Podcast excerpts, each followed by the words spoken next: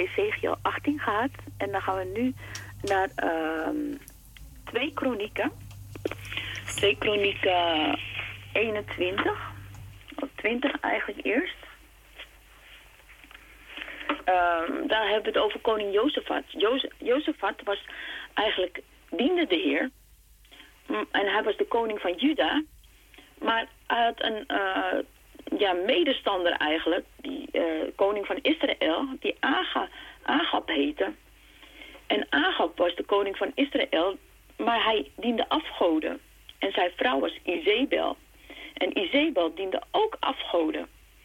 Want zij was eigenlijk de aansporing dat Agab van de Heer afgedwaald is. En zij had eigenlijk, uh, was eigenlijk een hele slechte vrouw. Uh, ja, liet het volk dus ook afdwalen om afgoden te dienen. En afgoden offers te eten en dat soort dingen en zo. daar werd ze ook gedood door Jehu. Die was dus op den duur, uh, ja, moest hij van God dus bepaalde dingen doen om, om, om haar dus, uh, ja, uit weg te ruimen, zeg maar. En dat gebeurde, gebeurde in het Oude Testament. Allerlei mensen dus die afgoderij pleegden, die dus het volk lieten zondigen, die moesten geëlimineerd worden. Dat klinkt heel hard, maar dat was de manier om ze van hun, uh, ja, van hun wegen weg te doen. Om hun te, uh, ja, zodat dus de geware gelovigen ruimte kregen om hun gerechtigheid uh, te doen. Ze, de Heer gaf ze tijd om zich te bekeren, maar ze bekeerden zich niet. Ze bleven in hun afgoderij hangen. Maar nu deze Jozefat, die uh, werd bevriend ook met die koning Agab. En zelfs de kinderen van Jozefat, die verzwagerden zich ook met Agab. En ze werden dus een soort families van elkaar. En uh, die zoon Agazia, die had een zus ook en die heette Atalia. Maar Ahasja, die was uh, het gezelschap van Jozefat op zijn laatste dagen. En dat maakte dus dat Jozefat afdwaalde van de Heer op het laatst van zijn leven. Het staat hier geschreven, uh, het verbond van Jozefat met Ahasja. En dat staat in hoofdstuk 20 van twee kronieken, vanaf vers 31. Zo regeerde Jozefat over Juda. Hij was 35 jaar oud als hij koning werd en regeerde 25 jaar te Jeruzalem. En de naam van zijn moeder was Azuba, de dochter van Shili. En hij wandelde de weg van zijn vader Asa. Zijn vader was Asa. En hij deed, en Asa uh, deed ook de afgoderij weg. Maar Asa werd op het laatst van zijn leven werd hij ziek aan zijn voeten. En toen vertrouwde hij niet meer 100% op de Heer, maar hij vertrouwde op de dokters en de medicijnmeesters. En, de, en zo dwaalde hij dus van de Heer af. En hij vertrouwde ook op Syrië om van de koning van uh, Israël te winnen, snap je? Omdat hij ingebouwd werd door de koning van Israël. Maar hij dwaalde dus op het laatst van zijn leven af. En zo ook met Jozefat. Die dwaalde ook af op het laatst van zijn leven. Um,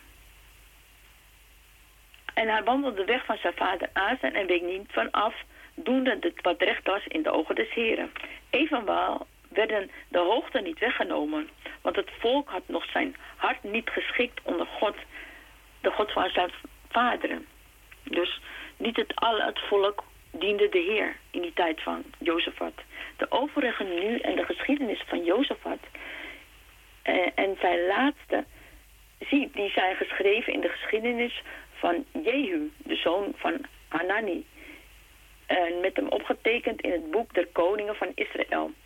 Nog na deze, toch na deze vergezelschapte zich Jozefat, de koning van Juda, met Ahasja, de koning van Israël. Die handelde goddelooselijk in zijn doen. En hij vergezelschapte zich met hem om de schepen te maken, om naar Tarsus te gaan en maakte schepen. En zij maakte schepen te Ezongeber. Maar Eliezer, de zoon van Dodava, van Maresa, profeteerde tegen Jozefat, zeggende, omdat gij u met Ahasja vergezelschap, vergezelschapt heeft, Heer uw werken verscheurd. Alzo werden de schepen verbroken, dat zij niet naar Tarsus konden gaan. En um, daarna ontsliep Jozefat met zijn vader en hij werd begraven in de stad Davids. En zijn zoon Joram werd koning in zijn plaats. En Joram was degene die zich verzwagerde met een dochter van, uh, van Agab, zeg maar. En die dochter die heette Atalia. Het staat hier geschreven. Hij wandelde, uh, in vers 6 van hoofdstuk 21 staat... Hij wandelde de weg der koning van Israël gelijk naar het huis van Agab. Terwijl hij de zoon van Jozefat was. Snap je? En hij deed dus niet naar zijn vader wil, maar naar het huis van Agab. En Agab, hij nam een dochter van Agab tot vrouw en deed wat kwaad was in de ogen van de heren. Doch de heren wilde het huis Davids niet verderven om het verbondswil dat hij met David gemaakt had. Gelijk hij gezegd had dat hem en zijn zonen alle dagen een lamp zullen, te zullen geven. Dus hij spaarde hem omdat hij een belofte aan zijn voorvader David had gedaan. Maar hij had dus een vrouw getrouwd die, uh, ja, die was de zus dus van Ahazia, Ahazia, of zoiets, hoe heet hij ook weer, Ahazia. En die had hij dus getrouwd. En Joram, die ging op den duur ook dood. Want ja, um, dat staat in oh, uh, vers 18 geschreven van hoofdstuk 21. En na dit alles plaagde hem de Heer in zijn ingewand met een krankheid. Daar er geen genezing aan was. Waarom niet? Hij diende de Heer niet. En dan gaan ze meestal naar de doktoren toe. Maar er was geen genezing aan. Dit geschiedde van jaar tot jaar zodat wanneer de tijd en het einde der twee jaren uitging, zijn ingewanden met krankheid uitgingen, dat hij stierf van de boze krankheden. En het volk maakte hem een branding, als de branding van zijn vaderen. En hij was 32 jaar oud als hij koning werd en regeerde acht jaren in Jeruzalem. En hij ging heen zonder begeerd te zijn. En ze begroeven hem in de stad Davids, maar niet in de graven van de koningen. Dus buiten de graven van de koning werd hij begraven. Waarom? Omdat ze... Ja, hij was geen goede koning. Dus het volk hield niet van hem. En de inwoners van Jeruzalem maakten Agasja, zijn kleinste zoon, koning in zijn plaats. Want uh, een bende met Arabieren in het leger gekomen, die in het leger gekomen was, had de eerste zonen gedood.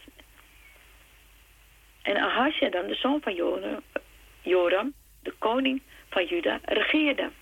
42 jaar was Ahasja oud en ze, uh, dat hij koning werd en regeerde één jaar te Jeruzalem. En de naam van zijn moeder was Atalia, de dochter van Omri. Zie, Agab wordt niet eens meer genoemd. Omri was een van de voorvaderen. Dus een dochter van Omri. En hij wandelde ook in de wegen van het huis van Agab. Want zijn moeder was zijn raadgeester om godlooselijk te handelen. Dus zijn moeder was zijn raadgeester. Zij was, had invloed op hem hoe zij, hij moest gaan handelen. Dus hij werd eigenlijk door haar bestuurd.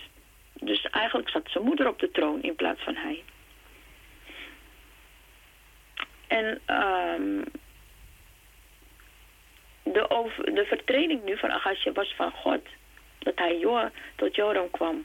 Want als hij gekomen was, toog hij met Joram uit tot Jehu, de zoon van Nimsi. Welke de Heere gezalfd had om het huis van Agab uit te roeien. Dus ze moesten hun uitroeien. En zo geschiedde dat Je Jehu oordeel uitvoerde tegen het huis van Agab. Dat hij de vorsten van Juda en de zonen, eh, de broederen van Atalia, die Agasja diende, vond en die doodde. Dus er was, Agasja was ook, er was een andere Agasja, dat was dus de koning van, uh, van Israël. Die heette ook Agasja, want dat was de broer van Atalia, maar ze had haar zoon ook Agasja genoemd. Dus waren er twee Agasjes op de troon. En daarna zocht hij Agasja, dus deze zoon, En zij kregen hem, want hij was verstoken in Samaria. Hij had zich verstopt. En ze brachten hem tot Jehu. En hij doodde hem. En ze begroeven hem. Want hij zei, zij zeiden, hij is de zoon van Jozefat. Die de Heer met zijn ganse hart gezocht heeft. Zo dan had het huis van uh, niemand die kracht bij hield in het koninkrijk. Ja, die had dus niemand die kracht behield voor het koninkrijk. Dus niemand kwam na Agasja op de troon. Toen Atalia, de moeder, of Atalia, de moeder van Agasja, zag dat haar zoon dood was, zo maakte ze zich op en bracht het hele koninklijke staat van Juda om. Want dat waren de erfgenamen. Dus ze bracht het koninklijke staat bracht ze om, zodat zij koningin kon zijn. Want ze wilde het niet meer uit handen geven. Ze had invloed op haar zoon. Maar toen haar zoon dood was, dacht ze van... hé, hey, dan kan een ander op de troon komen... en dan ben ik mijn macht kwijt. Dan kan ik mijn macht niet meer uitvoeren. Ze is de dochter van Isabel. Ze is de dochter van koning Agab. En ze deed precies hetgeen wat haar moeder ook uh, deed, zeg maar. Want ze was een dochter van haar moeder en haar vader. En die hebben haar niet uh, ja, opgevoed in de vrezen des heren. Maar ze zocht het ook zelf niet. Ze wist dat de Heer bestond, maar ze wilde dus die afgoden blijven dienen en ze wilde macht. Ze wilde in haar eigen kracht daar aan de macht komen. En dus toen de moeder, Atalaya, de moeder van Agasja, zag dat haar zoon dood was, zo maakte ze zich op en bracht de hele koninklijke familie van Juda om. Maar Jozabat, de dochter van de koning, van de, des konings, dus de dochter van de koning, nam Joas, de zoon van Agasja, en stal hem uit het midden van des konings, die gedood werden, en zette uh, hem in de slaapkamer. Zo verborg hem Jozabat, de dochter van, de koning, van koning Joram, de huisvrouw van de priester Jojada. Want ze was een zus van Agazia, dus van de zus was ze dus van die overleden uh, broer, die vermoord is. En uh, haar moeder die heeft dus het hele koninklijke gezin uitgeroeid. Maar uh, de dochter was getrouwd met een hoge priester, met, jo, uh, met um, de koning Jojada, of met priester Jojada was hij getrouwd. En zij had dus het kleinste zoontje van Agasha, had ze dus verborgen met zijn voetster. Voor haar moeder of stiefmoeder, want we weten niet of het een moeder of stiefmoeder is. Dat had ze dus verborgen, zodat zij hem niet doodde. En hij was bij hen verstoken in het huis Gods zes jaren. En Atalia regeerde dus over het land. Dus hij regeerde zeker zes jaar. En na een tijdje, toen werd... Uh, ja... Toen werd zij dus... Uh, koningin af. Waarom? Omdat ze Joas koning maakte. Op zijn zevende jaar. En dat, dat is het volgende verhaal. En daar staat... Doch het zevende jaar versterkte zich Jojada... en nam, nam overste over honderden. Asharia, de zoon van Jeho, Je, Jeroham... en Ismaël, de zoon van Jonadan... en Asaria, de zoon van Obed... en Maisha, de zoon van Adaya... en Elisafat, de zoon van Zechri... met zich in een verbond. En die togen om in Juda en vergaderden de levieten uit alle steden van Juda. En zo, en de hoofden der vaderen van Israëls. En ze kwamen naar Jeruzalem. En de ganse gemeente maakte een verbond in het huis Gods met de koning en zeide tot hen, zie de zoon des konings zal koning zijn, gelijk als de Heere de zonen van David gesproken heeft. Dus de belofte moet doorgaan. En ze hebben dus geprofiteerd en gehandeld naar de profetie dat dus er een zoon van David op de troon zou moeten zitten. Dit is de zaak die gij doet. En gij zult een derde deel van u die op de Sabbat ingaan van de priesters en de levieten zullen tot de poorten der dorpen zijn. Een derde deel zal aan het huis des konings zijn en een derde deel aan de fundamentpoort. En al het volk zal in de voorhoven zijn van het huis des Heren. Maar dat iemand komen in het huis des Heren, dan de priesters en de levieten die dienen, die zullen ingaan. Dat niemand inkomen dan de priesters en de levieten die het huis in zullen gaan. Want zij zijn heilig, maar het volk zal wachten, de wacht des Heren waarnemen. En de levieten zullen nu de koning rondom omsingelen en ieder met zijn wapen in zijn hand. En die tot het huis inkomt, zal gedood worden. Doch wees gij lieden bij de koning als hij inkomt en uitgaat. Ze hebben dus, ja, uh, hoe heet het, uh, van die bressen gezet, weet je wel, van die, uh, wanneer dus ze ergens doorheen komen, dan hebben ze nog hinderlagen, ja, hinderlagen gezet van, als ze dus uh, voorin komen, dan worden ze tegengehouden, zodat de koning en op het laatst de koning helemaal beschermt. Waardoor dus niemand bij die koning kan komen, want ze wilde dus doordrukken dat de koning op de troon komt. Dus daarom genoot hij zoveel bescherming. En de levieten en gans Juda deden naar alles wat de priester Jojada geboden had. En zij namen ieder uh, de mannen die op de Sabbat inkwamen, met degenen die op de Sabbat uitgingen. Want de priester Jojada had de vreemdeling, uh, had, aan, uh, nee, had aan de verdeling geen verlof gegeven. Dus ze moesten dus dag en nacht even in dienst zijn. Ze hebben nog, hadden dus geen verlof gekregen. Verder gaf priester Jojada aan dat de overste der honderden spiezen en rondpassen en schilden van de koning David geweest waren en die in het huis gods waren, dat ze die dus namen. En zij stelden al het volk, ieder met zijn geweer in zijn hand, van de rechterzijde van het huis tot de linkerzijde van het huis van het altaar, naar het huis bij de koning rondom. Dus de koning was helemaal beschermd. Toen brachten zij de koningszoon voor en zetten hem op de troon. En gaven hem de getuigenis en vermaakten hem koning. En Jojada en zijn zonen zalten hem en zeiden, de koning leven. En toen Atalia nu hoorde de stem des volks dat hij toeliep en de koning roemde, kwam zij tot het volk in het huis des heren. En zij zag toe, zie, de koning stond bij zijn pilaar aan de ingang, aan de overste. En de trompetten waren bij de koning. En al het volk des lands was blijde. En blies op de trompetten. En de zangers waren met muzikale instrumenten en gaven te kennen dat men lof zou zingen. Toen verscheurde Atalaya haar klederen en ze liep, riep verraad, verraad. Want ja, ze was verraden. Ze kon geen koningin meer blijven. Maar priester Jojada bracht de oversten der honderd en de oversten die aan het heer gesteld waren uit en zeiden tot hen, brengt ze tot het buiten, tot buiten de ordeningen.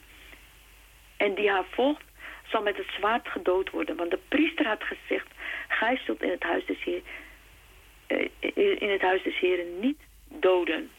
Dus ze moest buiten het huis des Heren gedood worden. En zij legde de handen aan haar. En ze gingen naar de ingang van de paardenpoort, naar het huis des konings. En doodde ze al daar. En Jojada maakte een verbond tussen hem en tussen het volk en tussen de koning dat zij de heren tot het volk zouden zijn. Daarna ging al het volk naar huis van Baal. En ze braken af al zijn al altaren, zijn beelden verbraken zij. En Matan, de priester van Baal, sloegen zij dood voor de altaren. Jojada nu bestelde ambten in het huis des heren onder de hand van de Levitische priesters die David het huis des heren afgedeeld had om de brandoffer des Heren te offeren, gelijk de wet van Mozes geschreven is. In de wet van Mozes geschreven is, met blijdschap en met gezang, naar de instellingen van David. En hij stelde de portiers aan de poorten van het huis des Heren, opdat er niemand enig ding dat onrein zijde was, dus inkwamen. Dus hij herstelde alle afgoderij, werd uit het huis des Heren gehaald. Want dat werd door Atalia erin gezet. Zij was koningin, dus zij bepaalde dat er baalpriesters in het huis des heren kwamen. En die baalpriesters moesten eruit. Het huis moest gereinigd worden. En Jojada zorgde daarvoor. En Jojada was wel getrouwd met de dochter van koning Joram. En koning Joram was, zijn vrouw was Atalia. staat niet specifiek in de Bijbel geschreven dat uh, ook, Jozabad ook de dochter van Atalia was of niet. Het kan wezen dat het de stiefdochter was, maar het kon ook goed wezen dat haar eigen dochter was. Zoals in ieder geval familie. Maar hier zie je dus een voorbeeld dat je, dat van iemand die meewerkt om haar eigen moeder of stiefmoeder te vermoorden vanwege de wil van God. Waarom? Omdat ze gruwel gods bedreven. En ook omdat men als mens zich hoger wilde stellen als God, dan God. En je mag een mens niet boven God stellen. Is je moeder een afgodendienaar, dan zou je haar moeten verlaten. Om de Heer te dienen. Ik ken mensen die in moslimlanden wonen. Die moesten vluchten. Omdat ze christen waren geworden. Anders zouden hun eigen ouders hen doden. Maar de Heer geeft altijd uitkomst om te vertrekken uit je familie. Dus daarom, in de Bijbel staat geschreven, eert je vader en eert je moeder. Dat kan je ook doen. Zonder dat je dus in hun levens deel hebt. Als dus afgoderij dienen. Dan zeg je, oké. ik ben dankbaar. Want ze hebben me opgevoed. Ze hebben me eten en drinken gegeven. Ze hebben me kleding gegeven. Dus ik dank de Heer daarvoor. Maar ik kan niet met hun gedachtegoed die zij hebben de Heer dienen. Want de Heer moet bovenaan staan. En dan pas de rest. Dus als het op aankomt dat mensen boven de Heer moeten gaan staan. Als jij een keuze moet maken tussen mensen en de Heer, dan moet de Heer op de eerste plaats staan. En dat deed Jozefat toch. Zij kon in het paleis komen, want ze was de dochter. Ze kon in het paleis komen en ze heeft het jongetje weggenomen. Dus het werd niet gedood en is koning geworden. En dat is door geloof van één persoon. En misschien ook met hulp van Jojada. Dat ze dus, uh, ja, de zoon op de troon heeft gezet. En die koning is geworden. En zo zie je dus dat er met de rekening, niet met rekening gehouden wordt met de voorvaderen. Als de voorvaderen gezondigd hebben, lijden de kinderen er niet onder. Het gaat om de ziel die zondigt, die zal sterven. En daarom moeten we ons bekeren. Daarom wil ik nu een stuk lezen uit het Nieuwe Testament. En dat is uh, Johannes 4. En dat gaat um, over een dame. Even kijken, Johannes 4. Over de Samaritaanse vrouw. Samaritaanse vrouw was van, niet van Israëlische afkomst, was een mengvolk met, uh, van een van de stammen van uh, um, ja, Ephraim, ja, een van de stammen Ephraim, die daar dus gezetteld was en die dus niet echt ja, gemixt was met andere volkeren, waardoor het een Samaritanen genoemd wordt. En die waren dus niet echt van het Joodse volk, maar ze aanbaden de Heer wel. Omdat ze dus ook gewoon, ja, uit de stammen van uh, Israël komen, maar niet van de stam Juda en niet van verschillende, uh, ja, ze hebben dus gemixt, zeg maar, met andere volkeren. Waardoor ze dus niet uh, eh, 100% de Heer dienden. En waardoor ze dus respect moesten hebben voor het echte volk van God. Want Samaria was dus eigenlijk meer iets wat afgedwaald was. Als dan de Heer verstond dat de fariseeën gehoord hadden dat Jezus meer discipelen maakte dan, en doopte dan Johannes, hoewel de Heer Jezus zelf niet doopte, maar zijn discipelen, zo verliet hij Judea en ging wederom naar Galilea. Het Galilea der heidenen staat. En hij moest door Samaria gaan. En hij kwam in een stad van Samaria, genaamd Sigar, waarbij een, het een stuk land welke uh, Jacob aan zijn zoon Jozef gaf. Dus dat had hij Jozef gegeven. En, en Samaritanen zijn van Ephraim, dus die hebben de stam van Jozef, heeft die waterputters gekregen.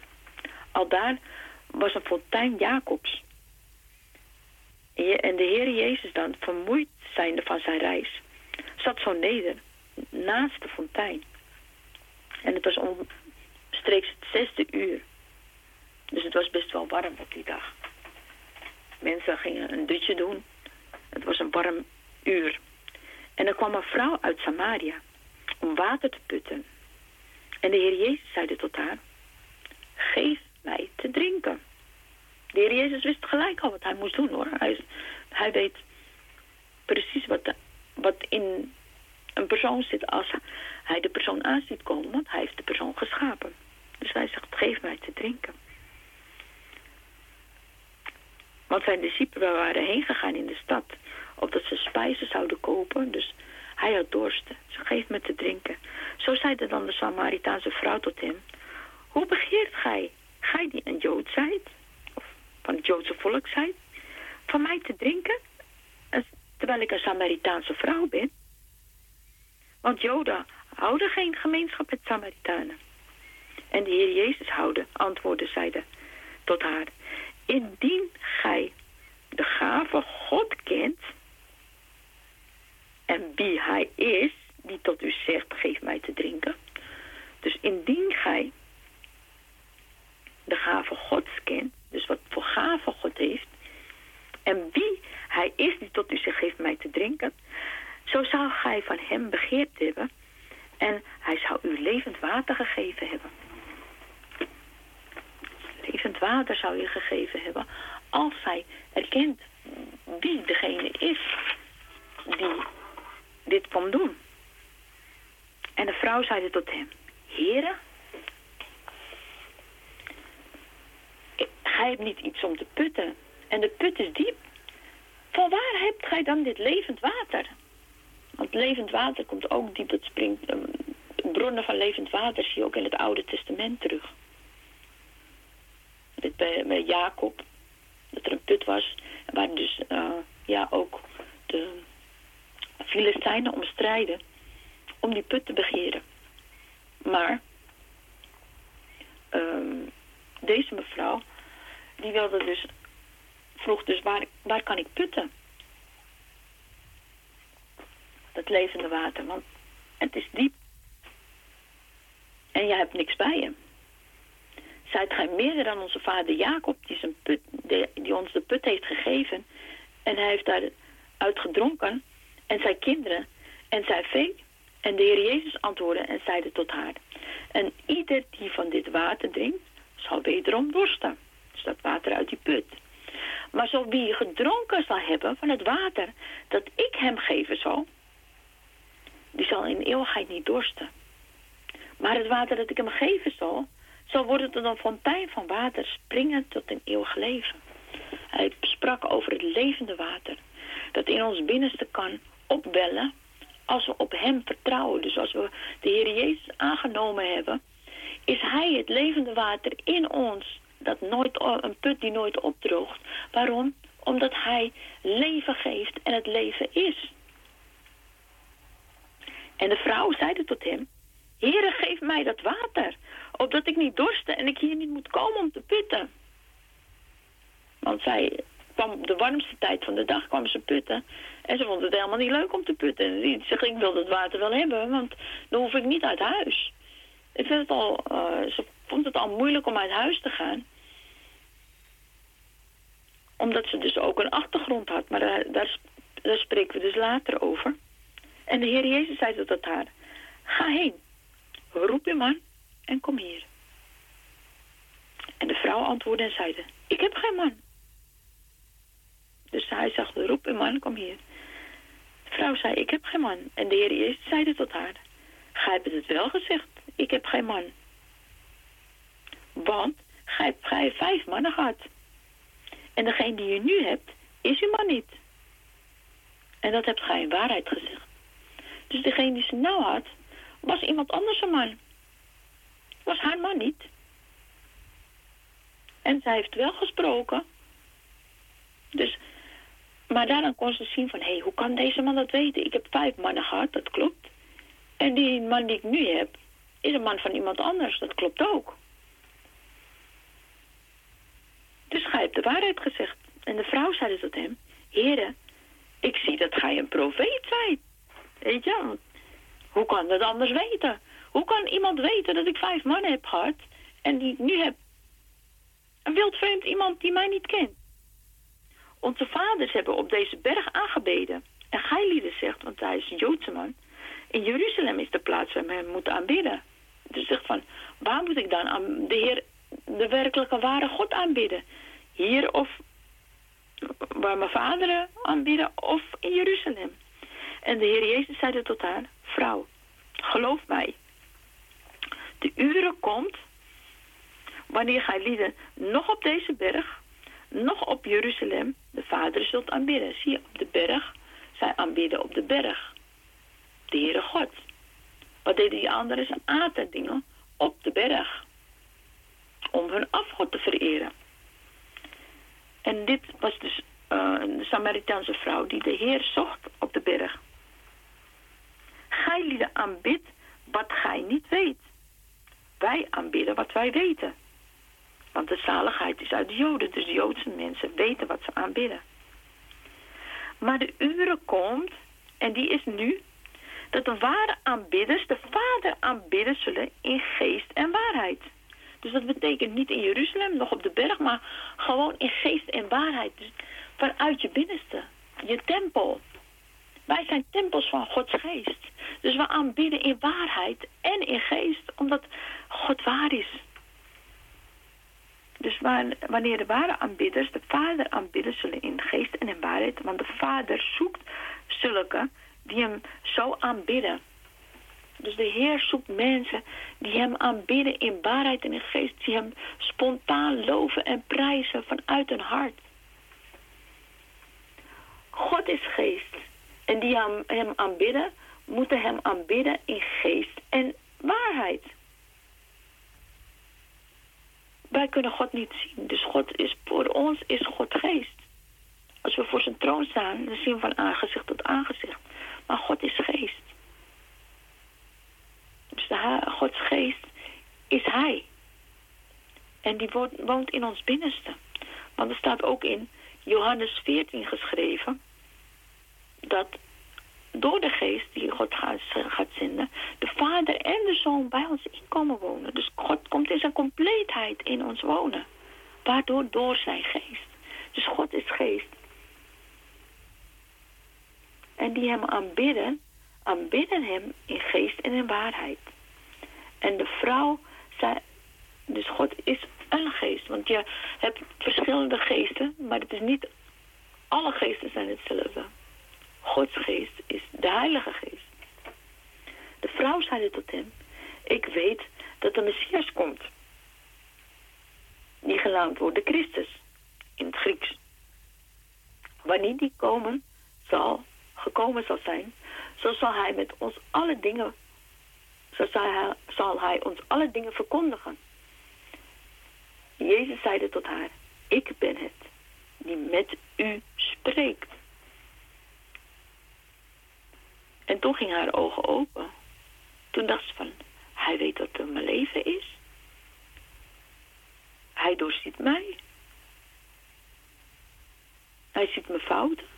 Hij ziet wat ik doe. Dit is de Messias waar wij op wachten. Ja. En daarop dan kwamen zijn discipelen en verwonderden zich dat hij met een vrouw sprak. En wel met een vrouw, gewoon een normale vrouw of een vrouw uit Samaria. En ze verwonderde zich daarover. Waarom spreekt met een vrouw? Nochtans zei niemand, wat vraagt gij of wat spreekt gij met haar? Nee, ze vroeg het niet. Waarom? Omdat ze wisten dat de Heer Jezus doet wat hij moet doen. En als je een relatie met hem hebt, dan ga je geen vragen stellen, ook al vind je het vreemd. Zo verliet de vrouw dan haar watervat en ging heen de stad, in de stad en zeide tot de lieden... Komt en ziet een mens die mij gezegd heeft... alles wat ik gedaan heb, is deze niet de Christus? En het kwartje viel bij haar. Zij dan gingen de stad uit en kwamen tot hem. Dus ze geloofde die vrouw gelijk, die Samaritanen. Waarom? Omdat ze vertelde alles wat zij gedaan had en het was een heleboel. Weet je, omdat ze vijf mannen heeft gehad en de man die ze nu heeft niet haar man was. En dat heeft ze dus aan die mensen verteld, dat hij dat alles kon vertellen. Dat de Heer Jezus dat allemaal wist, zonder dat ze hem kenden. En, onder, en dat vonden ze zo frappant, dat ze allemaal uittrokken. Zij dan gingen uit de stad en kwamen tot hem. En ondertussen baden hem de discipelen zeggende, Rabbi eet. Maar hij zeide tot hen, ik heb een spijs om te eten die gij niet weet.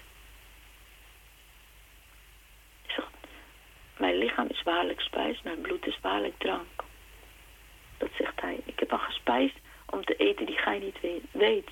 Zo zeiden de dan de discipelen tegen elkander. Heeft hem iemand te eten gebracht? Wat heb je dan gegeten dan? Wat heeft hij dan gegeten? En de Heer Jezus zeide tot hen. Mijn spijs is dat ik de wil doe, desgene die mij gezonden heeft, en zijn werk volbrengen. Dat is zijn spijs. Spijs is het woord van God. Het eten, het woord doen. En brengen aan de mensen. En uh, ja, dat velen tot geloof zullen komen. Wat deed hij? Hij heeft alleen maar gezegd dat hij de Messias was. En hij heeft gezegd dat uh, wat zij uh, doormaakte, wat zij had gedaan in haar leven. En ze geloofde hem terstond. En hij voorzag al dat zij een, een sleutel was om heel veel mensen tot de Heer te brengen. Haar leven was een puinhoop, een ellende. Als je ziet bij sommige mensen van het Oude Testament wat ik gelezen heb, was goed met God en ze deden alles wat de Heer van hen vroeg. En op het laatst zondigden ze. En deden niet meer wat de Heer van hen verlangde. Maar, en dan Atalia, eh, de dochter van koning Agab en Izebel, die echt net zo slecht was als haar vader en moeder, misschien wel slechter, want ze bracht haar eigen kinderen om. En misschien ook haar stiefkinderen, dat weet ik niet. En ze wilde dus zelf op de troon zitten en zij vond ook de dood. Waarom? Ze diende de Heer niet en ze zocht hem niet. En ze stierf. Ze bekeerde zich ook niet en ze stierf in haar zonde. En nou deze mevrouw, die in zoveel ellende heeft gezeten, zoveel dingen heeft meegemaakt en gezondigd heeft, die is op het laatst, waar in de toestand waarin ze nu zit, is het tot geloof gekomen. En heeft anderen verteld over de Heer Jezus. Waardoor ze nieuwsgierig worden van haar getuigenis. Van deze man heeft verteld wat ik allemaal gedaan heb. Terwijl hij mij niet eens kent. Maar hij kende haar wel. Zou deze de Messias niet zijn?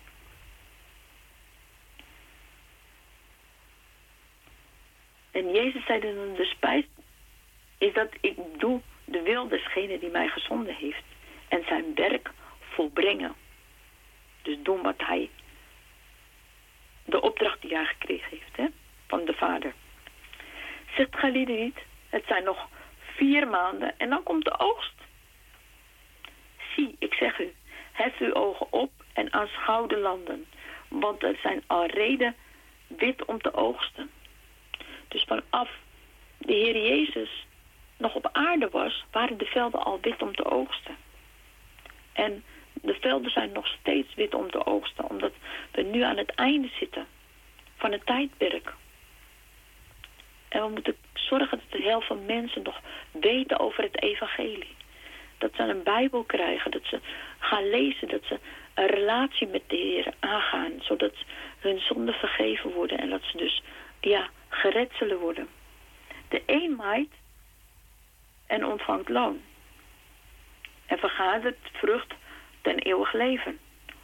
Opdat zich tezamen verblijden, die zaait en die maait. Oh ja, zegt gij die niet. Er zijn nog vier maanden, toen komt de oogst. Zie, hef u open op en aanschouwt de landen, want ze zijn al reden wit om te oogsten. En die maait ontvangt loon en vergadert vrucht ten eeuwig leven, opdat zich tezamen verblijden de, die zaait en die maait. Want hierin is een spreuk waarachtig. De een is die zaait en de ander die maait. Ik heb u uitgezonden om te maaien hetgeen gij niet gearbeid hebt. Anderen hebben gearbeid en gij zijt tot hun arbeid ingegaan. Wat deed die mevrouw bij de put? Ze zaaide. Ze zaaide het woord. En dan komen ze discipelen tot de Heer Jezus. En dan kunnen zij het opmaaien. Vele der Samaritanen uit die stad geloofden in hem. Om het woord van de vrouw. Die getuigde. Hij heeft mij gezegd alles wat ik gedaan heb. Hij kon alles vertellen wat ik in mijn leven gedaan heb. Is dat niet de Messias? Om dat woord, dit woord wat, zij gesproken heeft, kwamen al deze Samaritanen tot bekering. Als dan de Samaritanen tot hem gekomen waren, balen zij hem dat hij bij hem bleef. En hij bleef al daar twee dagen. En zij geloofden er veel meer in om zijn woords wil. En zeiden tot de vrouw, wij geloven niet meer om uw zeggens wil, niet meer om dat woord wat u zegt. Want wij zelf hebben hem gehoord en weten dat deze deze waarlijk is Christus de zaligmaker der wereld. Dus ze hebben het zelf gehoord. Ze hebben hem zelf gevraagd. Ze hebben zelf met hem gesproken. Ze hebben zelf een persoonlijke relatie met hem aangegaan. Dus niet meer om het woord van de vrouw. Dat was haar, het drempeltje. Dus daarom is evangelisatie... is niet dat je mensen tot de Heer Jezus brengt.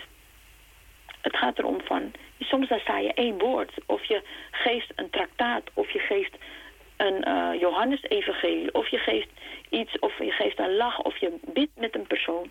Waardoor mensen gaan zoeken naar de Heer. En de Heer gaan vinden. En dan geloven ze niet omdat jij de dingen, maar omdat ze zelf een relatie met hem aangaan. Dus daarom is het goed om te zaaien en te maaien. En na twee dagen ging hij vandaar en ging naar Galilea. Want de Heer Jezus heeft zelf getuigd dat een profeet in zijn eigen vaderland geen eer heeft. Dus toen hij in Galilea kwam, ontvingen hem de Galileërs, gezien hebbende alle dingen die hij in Jeruzalem op het feest gedaan had. Want zij waren ook tot het feest gegaan. Dat was uh, het feest, de bruiloft in Cana. Hebben ze gezien, de wonderen. En het waren Galileërs. Het waren heidenen. Die zagen dus wat de Heer Jezus had gedaan. En geloofden om zijn wonderen. Zo kwam de Heer Jezus wederom te Cana in Galilea. Waar hij het water in wijn gemaakt had. En er was een zekere koninklijke hoveling. Wiens zoon krank was. Capernaum, die was dus ziek. Van de koninklijke hoveling. Deze hoorde, gehoord hebben dat Jezus uit, de Heer Jezus uit Juda in Galilea kwam, ging tot hem en bad hem dat hij afkwam om zijn zoon gezond te maken. Want hij lag op sterven. En de Heer Jezus zeide dan tot hem, tenzij dat gij lieden tekenen en wonderen ziet, zo zult gij niet geloven. Dus uh, de Heer Jezus die, zegt, ja, jullie willen alleen maar tekenen en wonderen zien. Anders geloof je niet. En de koninklijke hoofdeling zeide tot hem, Heer, kom af, mijn kind sterft. En de Heer Jezus zeide tot hem, ga heen, uw zoon leeft. En de mens geloofde dat woord. Omdat, de omdat hij wist, erkende dat hij de Messias was. Dat hij de, uh, ja, de Christus, de Messias was. Dus hij geloofde hem op zijn woord. En als hij afging, kwam hem zijn dienstknechten hem tegemoet en boodschapten hem. Zegden, uw kind leeft. En ze vroegen hem op welk uur het en welk tijdstip was hij dus beter geworden. En ze zeiden tot hem, gisteren, de zevende uren verliet hem de koorts. En de vader bekende dan dat het hetzelfde uur was in welke de Heer Jezus tot hem gezegd had, uw zoon leeft. En hij geloofde zelf en zijn gehele huis. En dit tweede teken heeft de Heer Jezus wederom gedaan als hij uit Judea in Galilea was gekomen. Dus het eerste teken was die bruiloft, waarin water in wijn veranderde. En het tweede teken in hetzelfde stadje was de zoon van die hoveling, die genezen was op dat uur wanneer het woord werd gesproken. Daarom is het de Heer Jezus is het woord Gods. Spreek slechts een woord en mijn knecht zal genezen worden.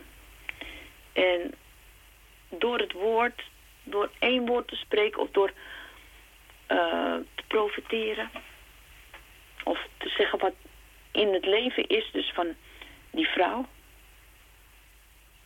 komen, komen een heleboel mensen tot bekering. Waarom? Omdat ze weten van, hé, hey, dit, is, dit kan niet anders dan een Messias zijn. En zou het er misschien zijn? Wij zijn nieuwsgierig, want we hebben al zo lang hebben gebeden en we hebben nog geen antwoord ontvangen. Zou dit misschien ons antwoord zijn? Dus we waren nieuwsgierig en de hele stad liep uit. En zo zie je dus dat heel veel mensen die God erkennen en voor hem gaan leven en tot bekering komen, dat ze zullen leven. En met de dingen die ze dus vroeger gedaan hebben, die kan de Heer vergeven. Maar als je dus de hele leven lang de Heer gediend hebt en je dwaalt af en je gaat de Heer niet meer dienen en je gaat afgoden dienen en zo, dan wordt er geen rekening gehouden met hetgeen wat je vroeger gedaan hebt. Daarom is het van belang wat alles wat, wat we meemaken, dat kan uh, schade zijn om Christus namens wil. Daarom is het van belang om als je iets voor de Heer gedaan hebt, het bij hem te laten. Zodat je weer open kan stellen voor nieuwe dingen. Voor nieuwe dingen in de dag die gaan gebeuren. Voor nieuwe uh, zegeningen. Dat je je daarnaar uitstrekt. Dat je vergeet hetgeen achter je is en uitstrekt naar hetgeen voor je is. Kijk, je werken worden sowieso verzameld. Als, het als je werken goed zijn in hem, dan uh, maakt de Heer daar een optekening van. Maar het gaat erom van jouw leven moet nu in, in lijn zijn met de Heer. En dan kan je niet op het verleden steunen. Dan moet je een keuze maken om je nu te bekeren en op de Heer Jezus te gaan vertrouwen op dit moment. Snap je? Wat geweest is, is geweest. Dat keert niet terug. Je kan niet op iets van vroeger steunen. Of zeggen van, oh, ik heb vergeten te bidden. Oh, en weet je, want dan blijf je in dat verleden hangen. Het gaat erom, wat doe je nu? Nu is de tijd gekomen om een beslissing te maken voor de Heer. Wat doe ik nu? Met hetgeen wat voor is, wordt geen rekening meer mee gehouden.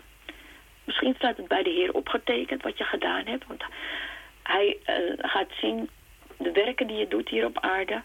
Als het met vuur verbrand wordt. Of er een geur van Christus opstijgt. Weet je, of, of uh, de werken dus volwaardig zijn voor hem.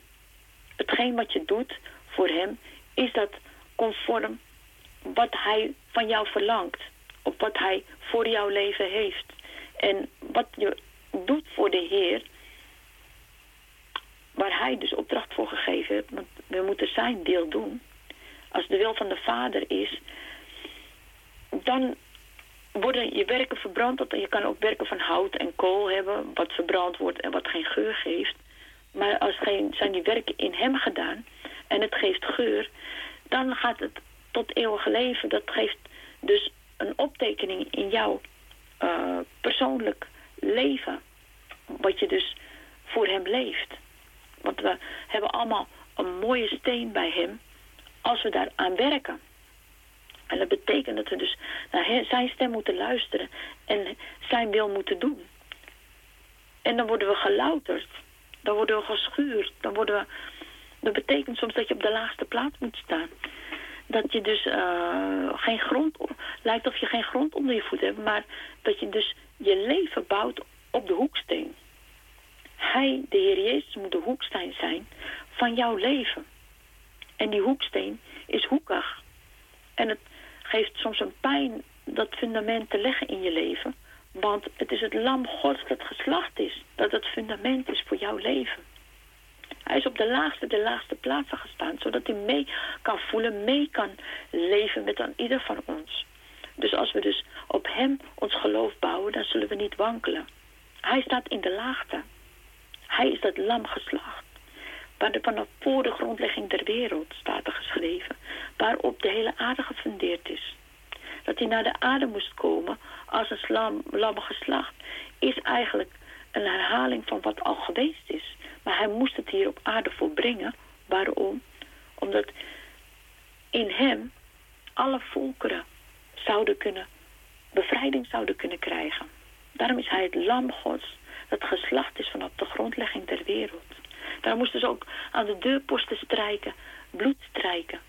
Om, uh, dat, zodat de doodslager het huis voorbij ging. Het bloed is zo belangrijk. Het bloed is de ziel. Wij zijn levende zielen door Gods geest die, in, die zijn adem die in ons geblazen is. Dat is onze levensgeest. Die maakt onze ziel levend. En onze ziel komt voor zijn troon te staan. Daarom moeten we oppassen wat we met onze zielen doen. Onze ziel is ons bloed. En de ziel is in het bloed.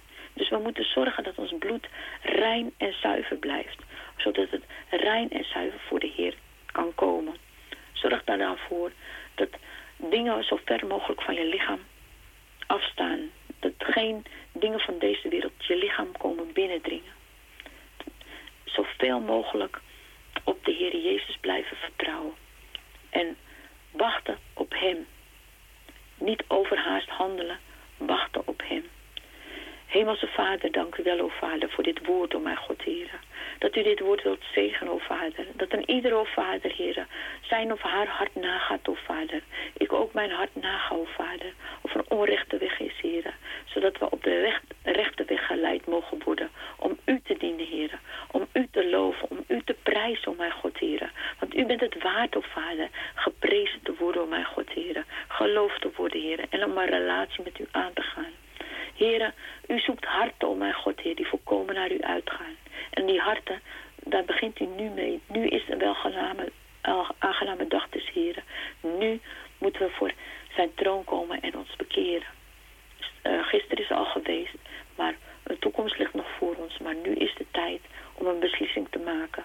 Daarom bid ik u, o Vader, dat de mensen een beslissing zullen maken voor u, Heren. Dat ze in uw woord geloven. Dat uw woord de weg, de waarheid en het leven is. Want u bent het woord, Heer Jezus. U heeft geleden voor onze zonden en onze ongerechtigheden. En de hoeksteen, daar bouwen we ons fundament op. Die is in ons hart geplaatst. Die is in ons geplaatst, zodat we op hem kunnen bouwen en vertrouwen op u, Heer Jezus. Want u bent de weg, de waarheid en het leven. En niets, en niets anders. Want u, Heer, heeft het voor ons volbracht. En u bent het waard om geloofd en geprezen te worden. Daarom, heren, geef ons leven aan, aan u over. Onze ziel, ons lichaam, alles, o Vader, wat in ons is. Zodat u ruimte krijgt om in ons te komen wonen. En uw wil te kunnen doen. Dat bidden we u in de naam van de Heer Jezus. Amen. Amen, zuster Ariane. Bedankt. Goede, goede avond verder en zo, de Heer ja, ook. Goede nachtrust. Dank u wel. En tot de volgende keer. Zal ik doen. Oké, dank u. Doei. Doei, doei.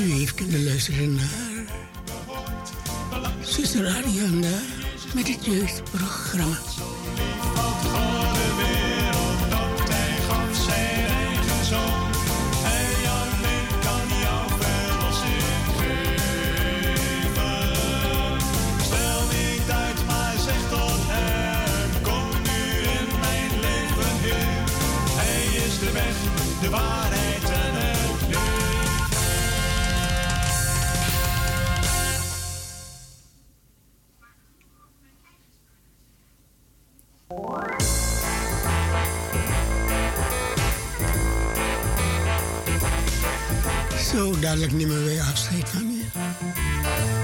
Radio Zevaya is wederom vannacht van 12 tot 1. De beste. Bedankt voor het luisteren. Als je de eerste wordt, de mooiste kleren. Ze passen perfect. Het juiste antwoord, dat weet je direct. Een snelle brommer en ook nog een fiets om studeren. Dat vind je maar niet, ze met je vrienden. En s'avonds op uit, als het licht wordt, dan kom jij pas thuis. Je hebt alles, wat je hartje begeert, je hebt alles. Maar je wilt steeds meer, je hebt alles. Ontbreekt er nog iets van binnen, van binnen mis je iets.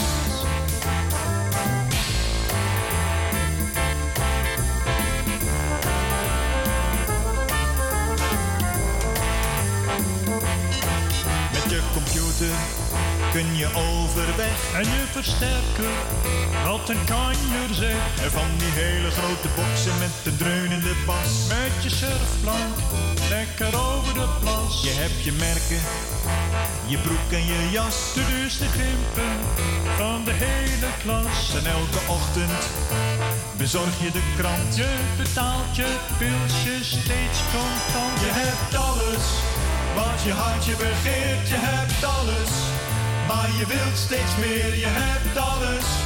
Of ontbreekt er nog iets van binnen, van binnen mis je iets.